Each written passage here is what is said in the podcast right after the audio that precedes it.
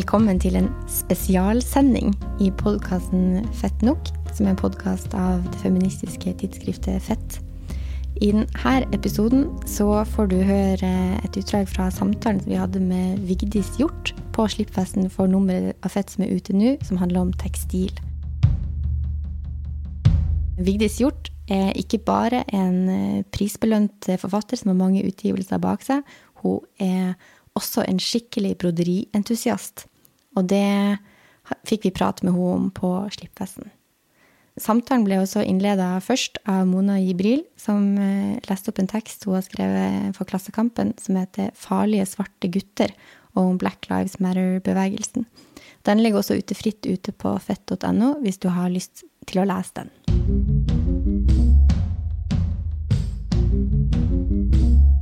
skal altså prøve å gjennomføre det kunststykket å gå fra en av verdens største globale demonstrasjoner mot globale demonstrasjoner som har skjedd i verden i vår historie, til eh, en samtale om broderi.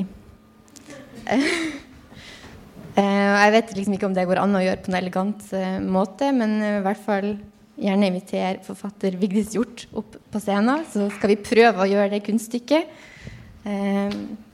Vil du sitte her, kanskje? Ja.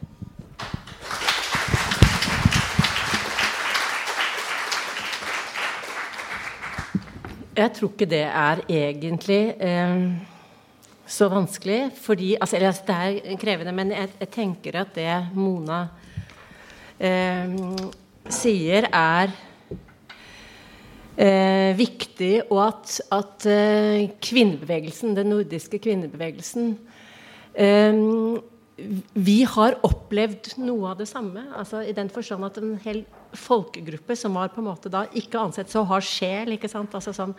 Og det at, at, vi, at, at, det at vi må stå på lag og, og, få med alle, og få mennene til å innse at det var noe de måtte renonsere på for i det hele tatt at dette skulle skje. Altså at det var en kamp om makt og privilegier som du veldig riktig sier. Ikke bare om liksom sånn ja, Kan du føle med oss, eller skjønner du hvordan jeg har det?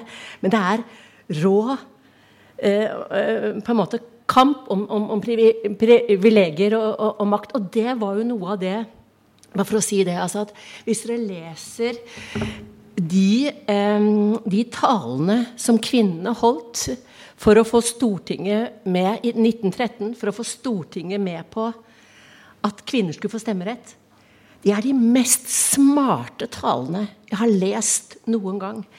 Fordi de var tospråklige. De skjønte både altså Den derre avveininga Jeg skjønte nesten ikke hvordan de klarte det. Av hvordan de måtte snakke for å få stortingsflertallet, som var menn, med seg. De måtte liksom både innynde seg og samtidig stå på krava en så enormt vanskelig øvelse. Og det tror jeg på altså, Eller det jeg kanskje prøver å si, det er at eh, hvis vi går tilbake i vår egen historie og kjenne på den fortvilelsen som har vært hos en Camilla Collett, som da eh, mannen hennes døde, måtte gi fra seg barna for ikke å miste sin til hans familie for ikke å miste sin selvstendighet, og ikke vi tar vårt eget for gitt, så er det mye lettere å forstå den kampen som dere står i, og hvor dypt disse tingene sitter. For det er jo helt riktig når du sier 'spør deg selv'. Ikke sant? Um, så jeg tror, jeg tror, på en måte at vi kan Hvis det er noen som kan på en måte gå først i, i toget av uh, vi med privilegier, så er det kanskje kvinnene. At vi har en forståelse for den kampen hvis vi går tilbake i vår historie. Og særlig dette miljøet her, da. Nå snakket jeg altfor lenge, men jeg prøver å lage en, en overgang fra, fra, broderiet, da. Ja, takk. Eh, og feminismen og antirasismen har jo også veldig lange og beslekta røtter også, ja. historisk. Det tenker jeg absolutt vi må og så kan jeg bare legge til en ting som jeg tror er veldig viktig, som jeg tenkte skulle være liksom sånn Nå er det du som skal være ordstyrer her, men, men dette med at eh, det at når man på en måte Altså man har, når man som en lang, en lang undertrykkelseshistorie har så har man nok en tendens til, sånn som kvinner har hatt en tendens til, det er å legge vekk veldig mye av sin egen tradisjon. For å på en måte, i likestillingens navn, da, vil, vil, bli like med de som har undertrykket oss, med mennene, på en måte. Og vise oss verdige. Og så bruker vi deres mål.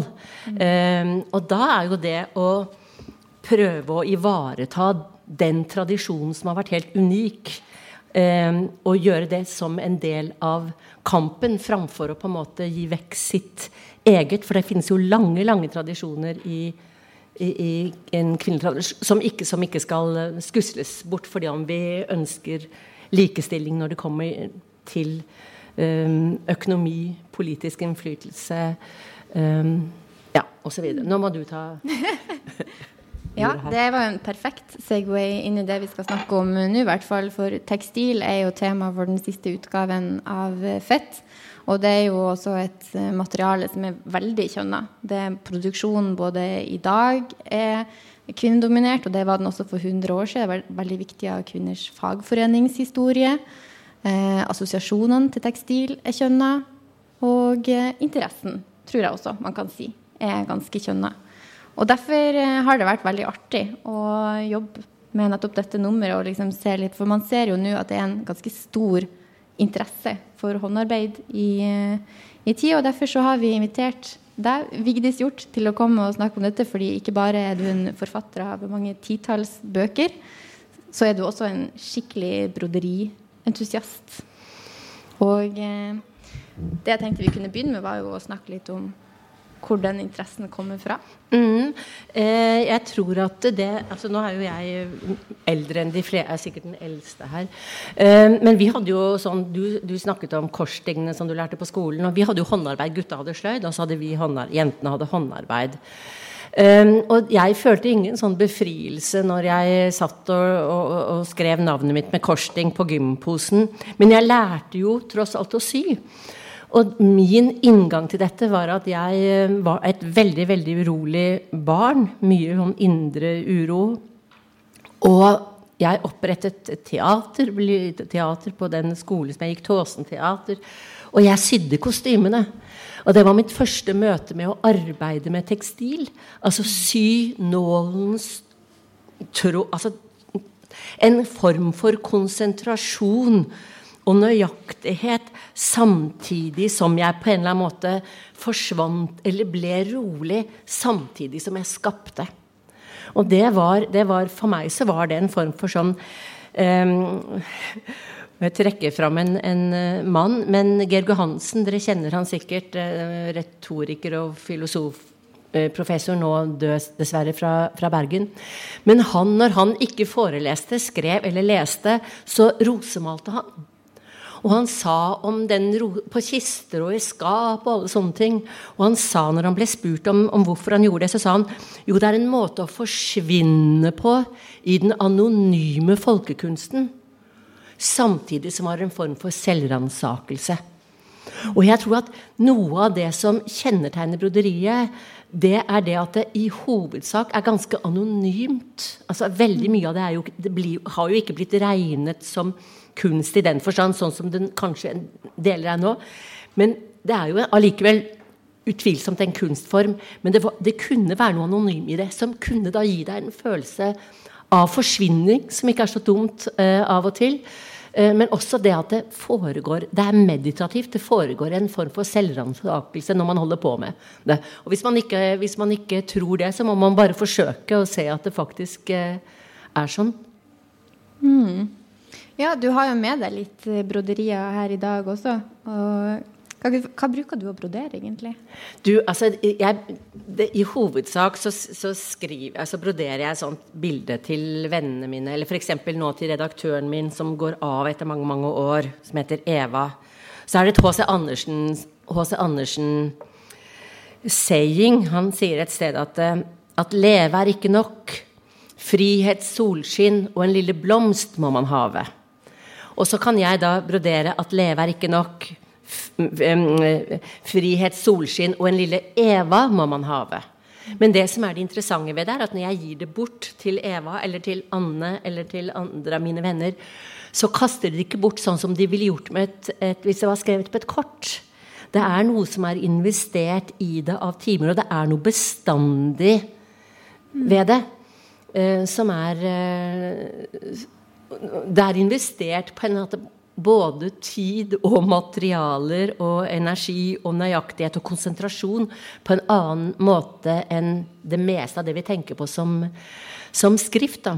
Men jeg tenker på særlig da for meg selv, så er det f.eks. Jeg jeg har liksom en, gardin over stua og en eh, Nei, dette er på kjøkkenet, og den er på stua. Og her har jeg, den har jeg hatt i 20 år. Og der kan jeg brodere inn nye begivenheter som skjer i familien. Og jeg vil jo aldri finne på å kaste den eller bytte den ut fordi det var noe annet som ble inn. Ikke sant? Altså det er noe som er Du er, med på et eller annet som er bestandig, og som varer. Eh, varer over tid, og som du ikke vil eh, bytte ut. Eller, ja, altså, så det er eh, for, for ikke å snakke om dette med å reparere. Reparere klær. Sy over hvis det er et hull. altså sy om alt dette her, det er jo innenfor den samme sjangeren, tenker jeg på. Mm. Det er litt sånn fint at du sier du Vi var jo litt inne på det i stad også med kvinnehistorie. Det er ei som heter Eva Kittelsen, som skriver i tidsskrift også. Hun skriver om reparering. Mm. Og at hun er veldig opptatt av synlig reparasjon, fordi da hun ser på det som en sånn antiperfeksjonistisk arbeid. Yeah. At hun liksom fremhever feil, feil, ved plagget og gjør dem vakre. Og, men også at hun liksom kjenner et kvinnehistorisk sus som uh, går gjennom henne når hun jobber med å reparere klærne sine. Yeah. Kjenner du på det? Ja, det gjør jeg. Altså, i, i, forhold til en sånn stolt arv Marguerite Rass skriver et sted i den boka som heter 'Det materielle liv'. Hun bor jo i et veldig gammelt, gammelt hus da denne boken ble til. Og så skriver hun om en, en Hun har kjøpt en 1700-tallskommode for lenge siden. Og så ved en tilfeldighet en gang når hun åpner en skuff der, så kommer et sånt lite En form for underbukse ut som har kommet bak en av skuffene, og som har vært der helt fra 1700-tallet. Og hvor det er brodert over hull. Det er et sånt bilde av det hvor du ser et sånt her ornamatikk av hull og bitte lite flekk av noe som må være blod ikke sant, på den gangen. Men hvordan man tok vare på tingene. Altså ta vare på tingene. Og hvor kostbare de var. Og hva, hvordan man nedla arbeid i at, og at det både kunne være en forskjønning i det, men alle kunne jo se at det var stoppet. Ehm, så, så, og jeg husker jo at jeg liksom sånn jeg jo, Nå drikker jeg mest hvitvin, men jeg, i min ungdom drakk jeg veldig mye rødvin. Og hadde så mange hvite klær, særlig om sommeren og sånn som vi har nå. Hvor jeg liksom hele tiden da sølte rødvin. Men det gjorde jo bare at jeg broderte en blomst, og til slutt så var den hvite sommerkjolen blitt en blomstrete sommerkjole fordi det var så mye Eller, Og da røyka jeg også. Det var sånne sigarettmerker. Eh, men, det, men det, var, det, var jo, det, er jo også en kjole som jeg fremdeles har. Den kunne jeg jo hatt med. Men jeg, jeg kastet den ikke. Jeg var så glad for den. Uh, og når den da ble sånn, så kunne jeg på en måte Og så forandret Da ble den uh, altså Dette at tingene er, for å si det med Benjamin, tingene er i forvandling. Da, og da er vi med på den forvandlingen. Det er ikke bare sånn at den blir utslitt, den blir kastet, den blir feil. Jeg kaster den, men jeg forandrer den, jeg er med på å forbedre den, jeg hjelper den til å leve litt lenger. Og sånne plagg blir man jo også veldig, veldig glad i. Hmm. Ja, jeg leste ganske nylig en rapport fra Oslo Met som handler om klesforbruk i Norge. Og da den sier jo at eh, en gjennomsnittlig nordmann kjøper 23 plagg i året. Og kvinner gjør det fra de er allerede i 20-årene til 60-årene, mens hos menn så avtar det litt mer jo eldre de blir. Mm. Eh, men jeg syns jo at det er litt interessant at eh, det er så mange kvinner som er interessert i håndarbeid, samtidig som vi har et så enormt klesforbruk som vi vet er veldig miljøskadelig. Um, men, men, man kan jo håpe at, at, at, det altså at Hvis man klarer å kombinere dette, da, en bevissthet mm. om dette sammen med eh, altså det, det, blir jo ing, altså Ingenting blir likt det du lager selv, eller broderer selv, eller gjør, gjør selv. Og du kan jo sette ditt helt, helt eget bumerke ved det. Jeg er jo ikke flink til å brodere i forhold til, i forhold til veldig mange um, men, men fordi at jeg skriver, altså jeg broderer skrift. så, kan, så står det jo Jeg kan vise fram etterpå, så står det jo der, ikke sant Marie, altså datteren min, i eksistensiell krise på Roskilde i 2011. ikke sant? Som vi aldri glemmer. Alle kjæresten min er der, selv om noen er krysset ut. ikke sant? Altså, Alt dette er, det blir på en måte som en, min, en svær minne, minnebok. da. Nå da liksom, Det var en hunden min som er født, og nå døde den. Altså, så har jeg brodert henne inn og sånn. Og da blir det Det får noen, en verdi utover at det er en, en Heter det ikke sånn, altså sånn gardin eller kappe, eller hva det heter for noe, da. Mm. Um, og det, det, der at man, man selv kan at vi skal ha et ansvar for hvilken verdi vi tillegger tingene våre, og vi kan bli gladere i dem. Og være med på å bli gladere og føle til og med en omsorg for tingene våre. Det gjør vi jo ikke nå. Altså, Nei. Nei. Å være, altså være, glad i noe sånn som, sånn som vi kan Nå må du liksom til bøker. Um, eller historier fra eh, land vi ikke kan sammenligne oss med. Eller det fins jo mye fattigdom i Norge også. Men det å bli enormt glad for en ting jeg husker det fra jeg var barn. men og det og da å, å, kjenne på det, å være glad for, å ville beskytte og med ømhet omfavne ens egne nære ting, og også da kanskje også gi de bort. Jeg har akkurat vært på en debatt om mm, Sigrid Lavransdatter, 'Kransen'. Den første triologien, fordi den feirer vel et 100-årsjubileum dag i år. Og der er jo tingene Alt er jo håndverk. Og alle tingene er jo beskrevet nitidig fordi de var en del av kjærligheten, og verdien til tingene handlet om hvor mye arbeid det var nedsatt i dem. Så det å samle klær til Kristins kiste, eller til Ulvhild, søsteren, som da måtte i kloster fordi hun var blitt lam i benet som fikk en litt mindre kiste. med det nitide arbeidet med dette er jo, er jo Altså, Jeg ønsker meg jo ikke tilbake dit, som ville gjøre det umulig for kvinner f.eks. å skrive.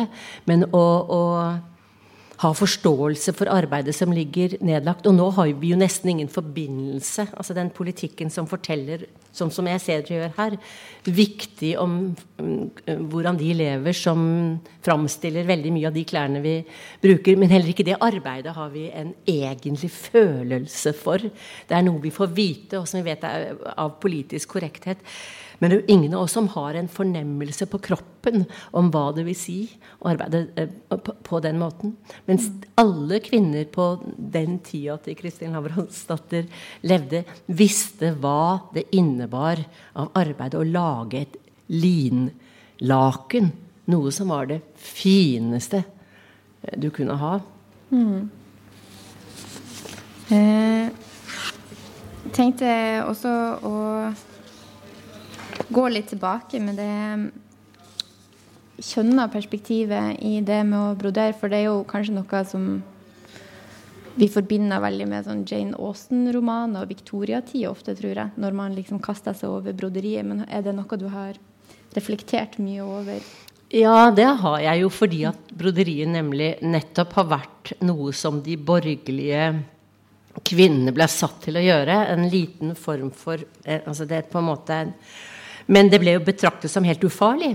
Ikke sant? Der satt de i sine stuer. Men det jo jeg er helt overbevist om, er at det var skjulte og kodede beskjeder. Dette kunne være f.eks. De skulle brodere bibelsitater eh, eh, på håndklær. Eh, og det er klart de har laget koder om hvor det er sånn derre 'fuck du, jævla faen' som, som de har laget inn i dette. Um, for det var deres eneste uttrykksmåte. Det var faktisk der å sitte med nål og tråd i de borgerlige, eh, borgerlige eh, stuene. Og det er klart de har benyttet den for alt det har vært. Det er jo ingenting som er, blir så kreative som de som har sterke begrensninger på sin ytringsfrihet. Det ser vi jo i, i land som, som, har begrenset ytringsfrihet. Hvor enormt kreative de blir i å klare å ytre seg til tross for det strenge regimet. Og selvfølgelig har disse kvinnene, det er jeg overbevist om, at det er hemmelige budskap og aggresjon eh, som er nedlagt i, i, disse. Og det er jo en som heter Metta Charlotta Fox. Hun ble på 1700-tallet, vel, var det, dømt for å ha drept sin mann og sin datter med gift i Sverige. Og satt i fengsel et par-tre par, år før hun ble halshugget. Og hun sitter og broderer nydelig fordi at det skal bli lest. Ikke rasende. Mm. Som hvis vi tenkte vi skulle bruke eh, i dag Du skulle male, f.eks. Et, et, etter modernismen og ekspresjonismen og sånn. Men hun var henvist til dette, og hun visste det blir aldri lest hvis det er en feil, hvis ikke det er vakkert. Hun skriver sitt forsvarsskrift over flere linjer, broderer hendelsesforløpet og feil som er gjort i dommen. Og all, hvert sting utroper sånn 'Tro meg! Tro meg!' Og det er laget på en bitte liten celle. Mm. Og med bitte små sting. ikke sant? Og det er enormt raseri, antageligvis. Og redsel, fordi hun visste at hun snart skulle eh, halshugges. ikke sant? Og det er, det er helt sånn dirrende når du, når, du ser, når du, ser, det. Men så har du mennesker som har, eh, har brukt um, uh, broderi nå på nyere måter. Det er ikke så lenge siden det var en, en uh, utstilling om moderne broderi på Nei, ikke bare moderne mo, mo, broderihistorie på Kunst- og håndverksmuseet. Og der har du flere altså en, en, Det var faktisk en mannlig advokat som hadde brodert ned dommer Mm. Og vi så hans skrivebord, og det var do dommer som var sånne eh, veldig alvorlige dommer. Men når de var brodert ned med sting Du kan tenke deg at det kunne se sånn lett ut å gjøre sånn. At du dømmes til 14 år fengsel sånn, sånn som. Sånn. Nei, hvis den er brodert, så blir det på en måte sånn der noen det, Alvoret synker inn på en annen måte, også hos den som gjør det, da. En, en, en, advokat. Og så har du jo en faktisk av Dette var en mann, og nå skal jeg nevne en annen mann. Det blir jo helt dumt. Men det er faktisk eh, Thorvald Moseid. Og det han begynte å brodere under krigen Jeg har akkurat jeg skal levere en, en broderi, eh, en artikkel, nemlig. Og den heter 'Fire menn og millioner av kvinner'. Og det er fordi det er, jeg nevner fire menn av litt ulike årsaker. Men um, Thorvald Moseid han var, jobbet med glass og keramikk og skulptur. Uh, men så kom, så kom, krigen, og da var dette materialer som var vanskelig å få tak i. Mens nål og tråd og stoff var tilgjengelig. Og han begynte å, å, brodere, og siden så slapp han det aldri. Og han har brodert et, et 62 meter langt broderi som heter 'De fire årstider'. Og hvor det er altså, en finmekanikk som er helt, veld, helt ulikt noe av det jeg greier, som er veldig fantastisk. Men som jeg også nevner der, det var jo at Arnulf Øverland ble jo satt eh, på Grini under krigen. Og ble satt til å brodere. Og han broderte da på Grini en duk med noen veldig vanskelige lenkesting som man kan se på Grini-museet. Og noe av det som var så interessant for jeg skulle få låne den duken til en, en broderiutstilling, faktisk eh, Så snakket jeg med han, møtte jeg han der sjefen for eh, Grini Apropos noe av det vi også snakker om i dag i forhold til for, vårt forhold til historien og sånn. Og jeg har vært ganske liberal i forhold til Hamsun og sånn. Selv om jeg da, forma, eh, da jeg kom inn i Forfatterforeningen, så var jo Ebba Haslund enormt mot at Hamsun skulle få sin plass eller noe sånt pga. krigen. Eh, men jeg syns hun liksom overreagerte. Men hun hadde jo en mann som satt på griner. Hun hadde erfart det. Men da jeg møtte denne mannen, dette er bare noen år siden, som ga meg denne duken, og jeg fikk se den Arnulf Øverland for den mest nazikritiske forfatteren vi hadde. Den mest outspoken, liksom. Og så viste han meg boken hvor det var vist at han var internert. Han var en av de aller første. Og dette visste selvfølgelig Hamsun. Han har sett at Grieg, hans egen redaktør, blir fengslet. Arnulf Øverland, hans mest berømte kollega, blir internert sammen med alle andre forleggere. Og så forteller denne mannen meg Han var da, han er nå flere og 90 år. Men han, fylte, han var selv satt inn på Grini som 16-åring fordi han gikk med aviser. Ulovlige aviser. Og fortalte da om 17-årsdagen sin der. Og så sier han Og dette har jeg ikke sett noen biografi, men jeg har funnet, funnet at det er riktige opplysninger. Så sier han Hamsun kom og besøkte oss på Grini for å snakke oss til rette.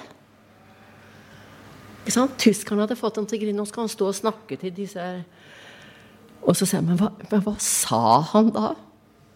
Nei, vi hørte ikke, selvfølgelig. Mm, vi sto sånn. Men plutselig så kunne jeg forstå Ebba Haslund. Plutselig så kommer den Og i møte med den duken mer enn de diktene som jeg kan se på trykk da, i bøker, ikke sant? som allikevel kan være fjerne, så var det liksom sånn Dette har han sittet fordi han var mot Det, en, det blir enormt nært på en annen måte. Og jeg forandret faktisk syn på på Hamsun og, eh, i forhold til dette med å gi han en, en statue eller en plass eller noe sånt, etter at jeg Altså, mens kolleger og redaktører sitter på Grini, så kommer han og Nei, det, det, forandrer noe. Og sånn sett, da, for å lage en konklusjon på, så er det kanskje den tingen som varer, litt sånn som Marguerite Rast når hun åpner dette og ser, så blir den kommoden med dette tøystykket, som har vært i en helt alminnelig kvinnes hender og hun kan se de stingene, så blir den kommoden på en måte Hun visste at den var fra 1700-tallet og hadde kjøpt den som antikvitet. Men, men, den får noe liv med seg som hun kanskje, som hun kanskje ikke hadde fått ellers. da. Og det kan nok, kan nok tekstilarbeidet være med på. Ja. Eh, jeg får veldig mange assosiasjoner når du snakker nå, både til en sånn gresk fortelling fra, fra Ovid, f.eks. når eh, Filomela blir voldtatt, ja. f.eks. Og så vever, for at hun ikke skal fortelle noen hva som har skjedd, så ja, vever hun voldtektsmannen. Ja, men det er fordi at de kutter jo tungen av henne ja. fordi hun ikke skal fortelle. Men så vever hun det. ikke sant? Og da tar søstera vel en grusom hevn på hennes vegne også? Ja, så uh, søsteren tror på henne. Avgjørende forskjell i forhold til en del andre tilfeller. Nei, men det er, det er sant. altså De to gikk sammen, og, og så sånn sett så så hvis han mannen hadde vært litt smartere, så hadde han jo drept henne, ikke bare tatt tunga. Han burde jo vite at kvinner kan fortelle på andre måter. Og så har du Penelope som sitter og venter på Odysseus og, og, vever og vever og vever. og, og sånn, men, men, jeg tror nok mer det der med at de benyttet sitt rom til i den grad det var mulig til å få sin stemme fram. Og Holberg, som jo nå i disse dager også er omdiskutert, men Holberg var, han argumenterte for at kvinner skulle ha stemmerett, noe han faktisk gjorde, så var det med utgangspunkt i broderiet og i veven. Fordi han sa at det, det, dette å lage Hvis dere har sett Hanne Ryggens vev altså Én ting er broderi, for da kan du enten følge et mønster, eller du kan improvisere underveis. Når du skal lage en, et, et, et, veggmaleri av vev, så kan du ikke improvisere. Altså, du, du, må ha, du, må ha, en så intelligent plan. Og han skrev det at det, deres, deres, resultater forhold innenfor tekstilkunst og innenfor veveri og broderi viste at de var smarte, minst like smarte som menn. At menn aldri ville greid det. Og det var uttrykk for en, en virkelig stor eh, intelligens. Så tekstilkunsten har vært med på å overbevise menn. Så de få arenaene de fikk til å folde seg ut på. Mm. Mens de kvinnene som satt og skrev i de borgerlige stuer, fikk jo ikke folde seg ut. Eh, men innenfor det mandatet de hadde.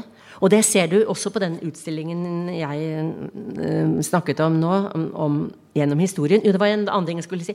Så er det veldig mange fanger som har brodert. Er kvinnelige fanger som har sittet og brodert og brukt. Det var det de fikk lov til. Og dessuten så var det nettopp nå ute i Asker var det en utstilling om, eh, om kvinner som har vært på institusjon, psykisk institusjon, institusjon så å si hele livet. Og de har også brukt nål og tråd for å vise fram tilstanden sin. Det er liksom sånn øh, skrekkslagent når, når, du ser For det skulle være en sånn på en måte beroligende Som jeg jo for øvrig har sagt.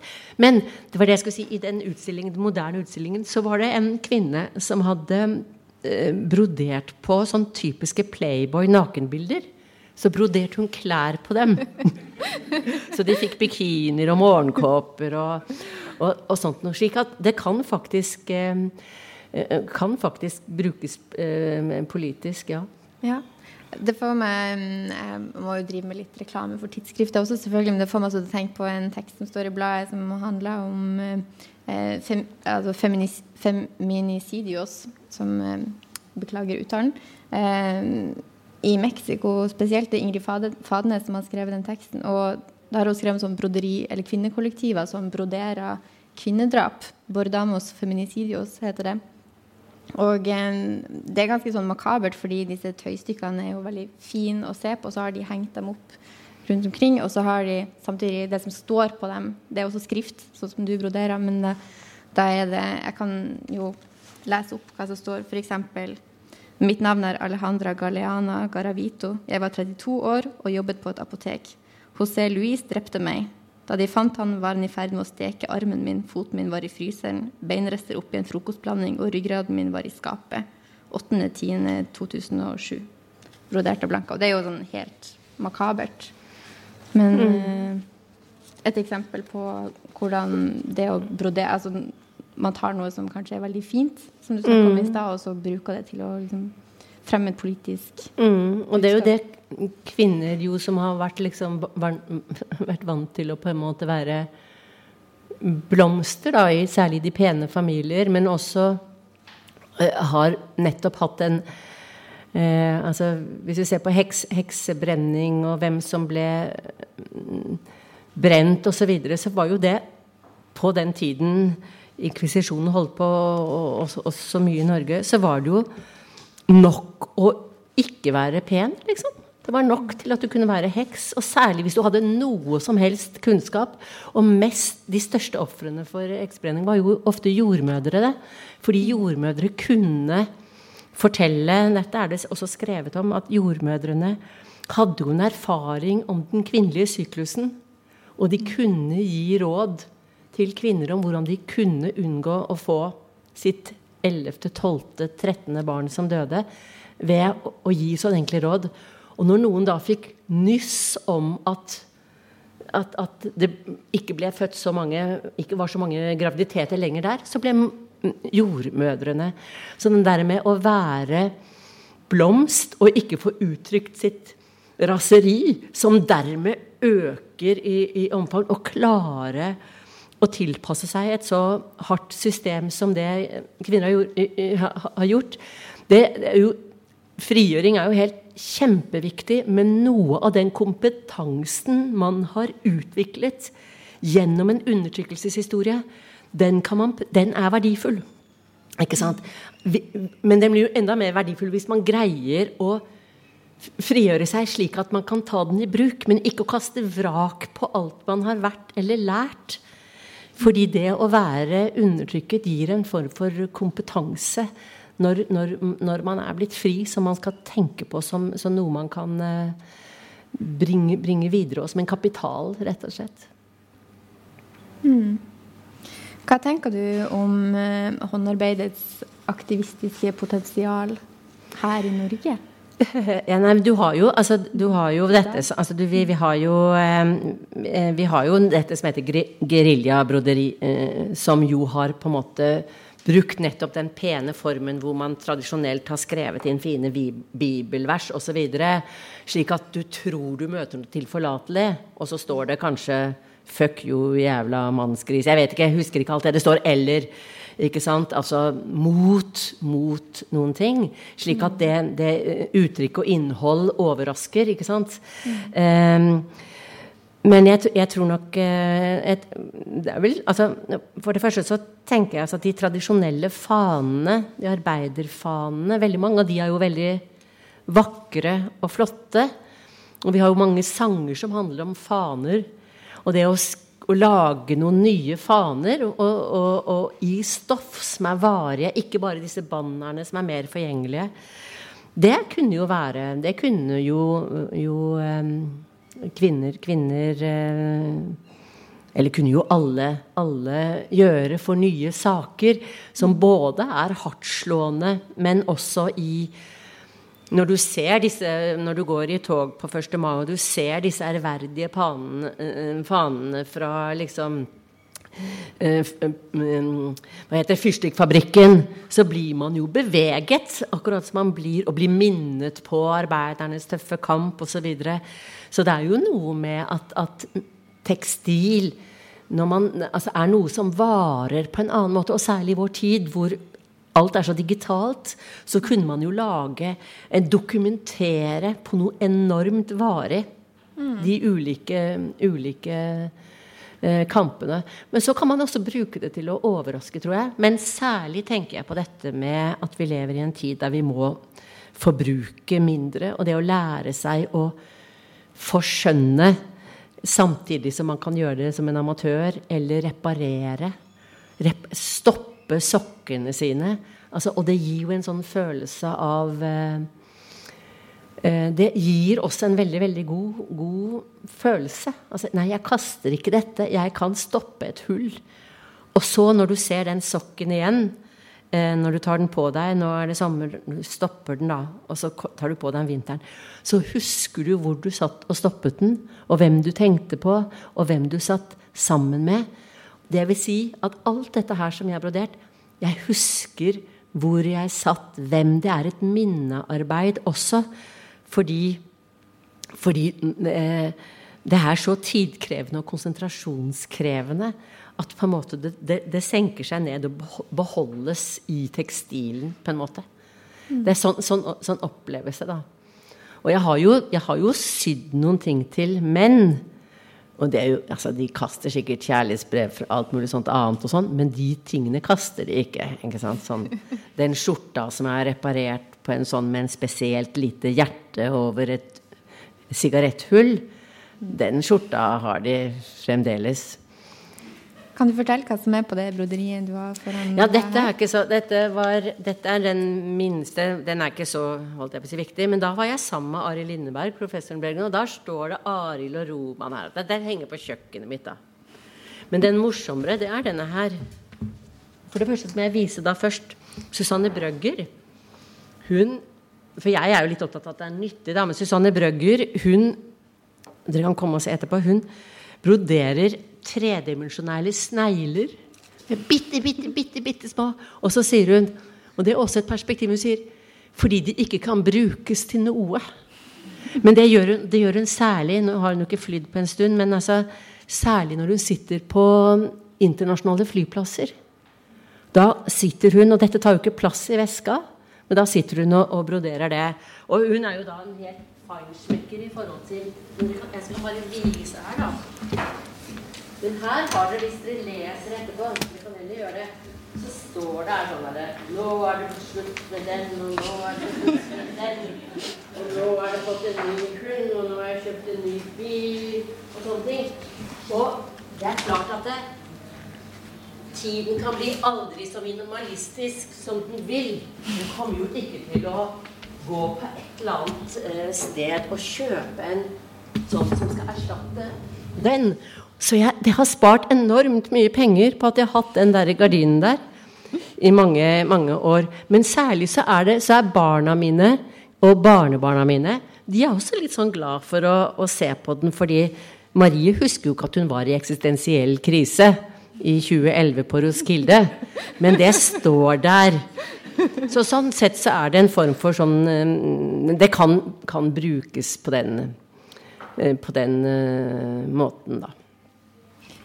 Jeg syns det er interessant at du liksom fremhever det varige med tekstiler. For jeg tror alltid jeg tenker at de er mer forgjengelige på et vis, men det har kanskje med det litt fremmedgjorte forholdet som vi har til tekstiler. Ja, så må du tenke på at tekst, altså en, i forhold til annen kunst, da, som vi ser på avstand og sånn Hvis vi skal kalle det kunst eh, Dette er ikke kunst, men det kan være noe kunstlignende erfaring i å skape det og det forhold til å bevare det.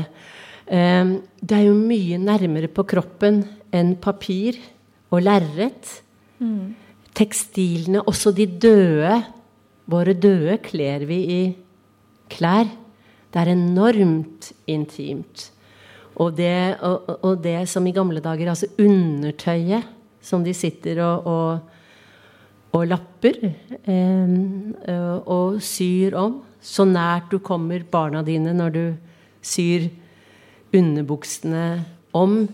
Og hvordan de varer, og hvordan eh, Det er det jo også mye om i litteraturhistorien. Om hvordan særlig da eldre menn som kanskje ikke har hatt et forhold til, forhold til tekstil, når de har funnet hvor, klær hvor de ser hvordan mor har stoppet, så kommer mor tilbake når de fant den gamle liksom, konfirmasjonsbuksen som siden også skulle bli Og de ser stingene eh, til mor. Um, så, så, det er uh, Jeg tror at det kan altså Den følelsesmessige og uh, konsentrerte energien som det legges i det, forblir i det på en eller annen måte, da. Men Walter, Walter Benjamin er jo veldig veldig opptatt av dette med at, um, at ting er bestandige og i forandring hele tiden. Og når du er i en bruk-og-kast-kultur, så får ikke tingene lov til å bli varige eller til å forandre seg. Det er urettferdig til og med mot tingene, som ikke får lov til å, å, å vare lenge og forandre seg som et sigarskrin som plutselig, eller en sigareske som plutselig for et barn kan bli til en eske, en hemmelig skrin han kan fylle hun eller han kan fylle noe oppi nøkkelknippet som kan bli en rangle. Altså, og vår oppfinnsomhet i forhold til tingene forsvinner også fordi vi har alt. Vi vil bli mye, mye mer kreative med, med færre ting. Og det er jo der, nå er det jo folk er i skogen og lærer seg alt mulig Altså hvordan man greier seg uten veldig nyttig lærdom, tenker jeg. Eh, Hanna Ryggen, som du jo nevnte i stad, som en modernistisk billedkunstner som, som vevde, hun la jo også ut verkene sine i sola for at de skulle mm. endre farge. Og ja, og så hun var opptatt av pessblått. Det var det. Så alle gjestene som var hos Hanna Ryggen, de måtte pesse i bøtta. Så laget hun den farven. Så til og med urin og avfallsstoffer ble jo helt verdifullt for eh, henne. Og alle tisset som bare det. Og blåfarven ble vakrere eh, og vakrere. Og det er jo masse kunnskap der i forhold til gjenbruk også av våre avfallsstoffer, kroppslige avfallsstoffer, som er helt, helt borte. Vi går og skammer oss overalt istedenfor å tenke aha, nå har jeg produsert noe skikkelig, skikkelig bra. Ja, apropos naturfarging, så har jeg så lagt merke til at det er også en trend i tiden. Olga Ravn har begynt med omstendelig naturfarging. Eh, og bruker planter til å farge silke på sin mm. Instagram-konto. Og på vei hit i dag så var det noen som sendte meg en Facebook-event som het 'Kvinnekamp og plantefarging'. og eh, jeg skjønte Jeg, liksom, jeg forsto ikke helt forbindelsen eh, av å, av å lese men det er 70, men, men det er 70-tallsskyggen mm. over kvinnekampen som vi nok har vært litt for ivrige etter å legge bak oss fordi de var så latterliggjorte, disse rødstrømpene som bare gikk i lilla skjerf og naturfarger og sånn. Men de hadde jo virkelig noe for seg, apropos være stolt av en tradisjon. Sånn, alt dette er jo blitt helt livsnødvendig, helt avgjørende for at vi skal overleve som art. Det er ikke noe som vi flørter med lenger. Dette er helt avgjørende kunnskap. Eh, så, så det er, vi kan, dette er ikke flørt. Og her sitter vi på en kompetanse, en tradisjonell kompetanse, som vi kan fiske opp igjen, som er helt nødvendig for, eh, for, for, hele, for hele, samfunnet. Sånn sett så er det vel noe med at, at um, antageligvis i den forferdelige, vanskelige problemene vi står overfor, så skulle jeg ikke forundre meg om kvinnelig lederskap på de fleste nivåer vil er det som skal fikse, fikse det. Altså det jeg, jeg, mener det sånn Nå er jeg veldig gammel blitt, men jeg tenker at det, uh, det er, det er jeg, jeg, tror faktisk, jeg tror faktisk uh, på at det er kvinnenes æra er um, framfor oss. Når du ser hvordan det står til borte i USA på alle måter nå, men særlig med disse to som uten Altså Selvrefleksjon er enormt viktig, tenker jeg. Nå skal jeg ikke snakke, Du må holde tiden her, vi ikke snakker oss vekk. Men altså, selvrefleksjon på alle nivåer.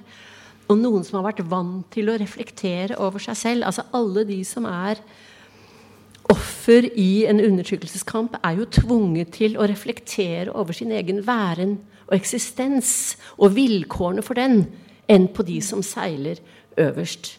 Og Derfor så tror jeg vi, vi snakker nå i samfunnet om at liksom den, den, den, hvite mannen taper i de, de vestlige eh, samfunn og sånn. Og det er fordi at det å ha måttet kjempe for ting gir deg mer verktøy i verktøykassa.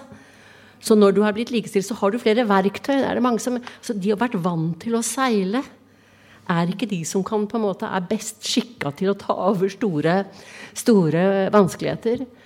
Og så har du et menneske som virkelig vil bli president i USA uten at det virker som han har spurt seg selv. For særlig mennesker med makt burde spørre seg selv hvorfor, Hva er det som driver meg nå? Hva er det som driver meg nå? Spør ikke, han bare vil. Og jeg tenker på sånn, Nå skal jeg bare ta to kjepphester som til slutt. og det er at det, Når jeg møter et menneske som jeg umiddelbart ikke liker, eller føler antipati mot, så viser det seg, så å si uten unntak, at det er et menneske som ligner på meg. Det er et menneske som har, sider som jeg også har, men som jeg har et uavklart eller ambivalent forhold til. Så når jeg, men når jeg har skjønt det, så gjør det at når jeg møter et sånt menneske eller et fenomen jeg føler umiddelbart ubehag i forhold til, så jeg, er det en anledning til å lære noe om meg selv. Fordi ubehaget eller redsel eller hva ligger her. Og da kan jeg lære meg selv å kjenne og analysere meg selv. Å drive en selvanalyse er ikke dumt. Og et eksempel er at forskning har vist at de som klippet håret av tyskertøsene, de såkalte tyskertøsene etter annen verdenskrig, det var jo ikke motstandsfolka. Nei, det var de som hadde flørtet med tyskerne. Som hadde sittet på gjerdet og ventet og lurte på hvordan utfallet ble. Så hva slags renovasjonsarbeid var det egentlig som foregikk? Ja, det gikk løs på dem for å renvaske seg selv. Og hvis ikke mennesker er klar over disse mekanismene i seg selv, så kommer vi ikke videre. Og der tror jeg faktisk altså, I Bibelen står det vel noe sånt at intet menneskelig hvem har sagt, intet menneskelig er meg fremmed. Men Freud sier intet dyrisk er meg fremmed. Og det er jo riktigere fordi vi er dyr. Og hvis vi ikke er klar over det på en eller annen måte, eller forstår det dyriske oss selv, så kommer vi jo ikke videre. Og fordi at vi har en skammelig og forferdelig arv langt tilbake som, som kvinner, men så vet vi også noe om det å bli tillagt animalske og dyriske egenskaper, å være i våre lidenskapers vold, og ha vært tvunget til å reflektere over det. Og sitter der og er derfor mer kompetente, tenker jeg. Og særlig dere, den oppvoksende mm, slekt. Vi bare håpe at fett overtar verden. Alle må tegne abonnement. ja, ikke sant. For å begynne i det små. Ja. uh, nei, uh, det var det er så mange ting som jeg ønska at vi skulle komme innom, eh, men alle disse arkene som jeg hadde med meg, har jeg liksom bare oversett under hele samtalen. Men det var et dikt du hadde skrevet eh, for noen år siden når det gikk en slags strikkedebatt som virka veldig tøysete når man leser den fire år senere, i hvert fall. Men da var det en anmelder som hadde anmeldt fire strikkebøker og mente at det var liksom element av Men det var jo Espen Søby, ikke sant? Han, så det er ikke liksom bare en eller annen. Det er Espen Søby som skriver sakprosa, og ikke godtar strikkebøker som, sak, som eh, riktig sakprosa, da. Ikke sant? Ja. Og han mente også det var noe litt bondage-aktig med det å følge strikkeoppskrifta. Ja, ja, ja, ja, ja, Han satt sikkert og ble Ja, føl, ble kåt mens han uten å ville Ja, men jeg hadde ikke selvrefleksjon nok til å forstå hva er det jeg blir så gæren på her, liksom. Mm. Ja, ikke sant. Men uh, du skriver jo litt om det med å ta med deg sjøl inn i, i tøyarbeidet, for du skrev et dikt i den uh, debatten. Og uh, jeg syns i hvert fall et av de er veldig fin. Da skriver du vi blir stukket mens vi arbeider. Vi stikker oss selv med nålen underveis.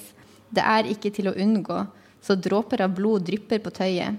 Det er blod med i bildet. bokstavelig talt når det broderes.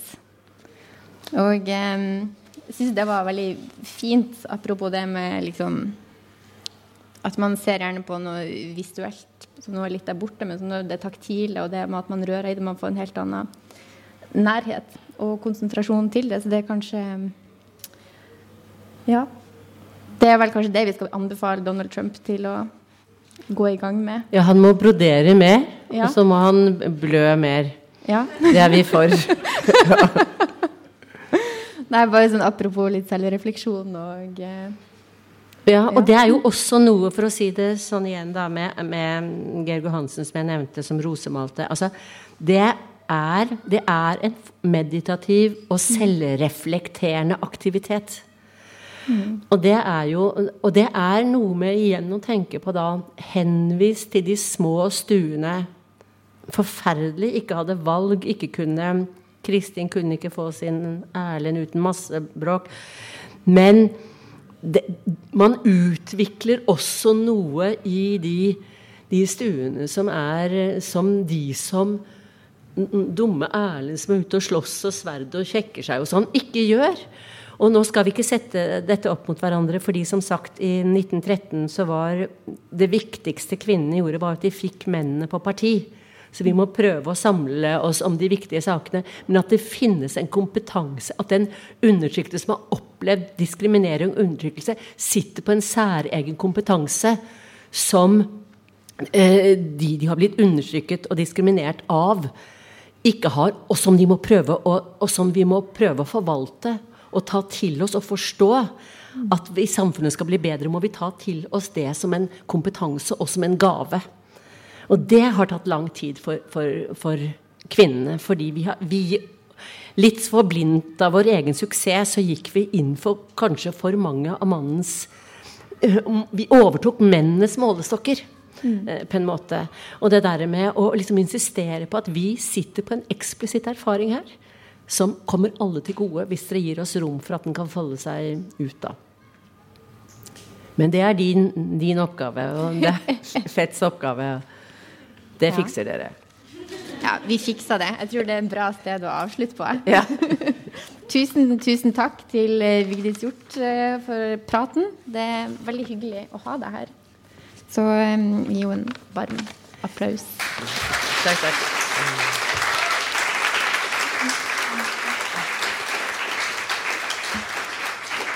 Jeg, jeg tar et glass vin til og sitter der, eh, der oppe litt, jeg, så, så kan dere, eh, de som er interessert, kan se hvem jeg har vært kjæreste med. Ja, anbefaler alle sammen å ta en kikk på denne livsfrisen som ligger her framme.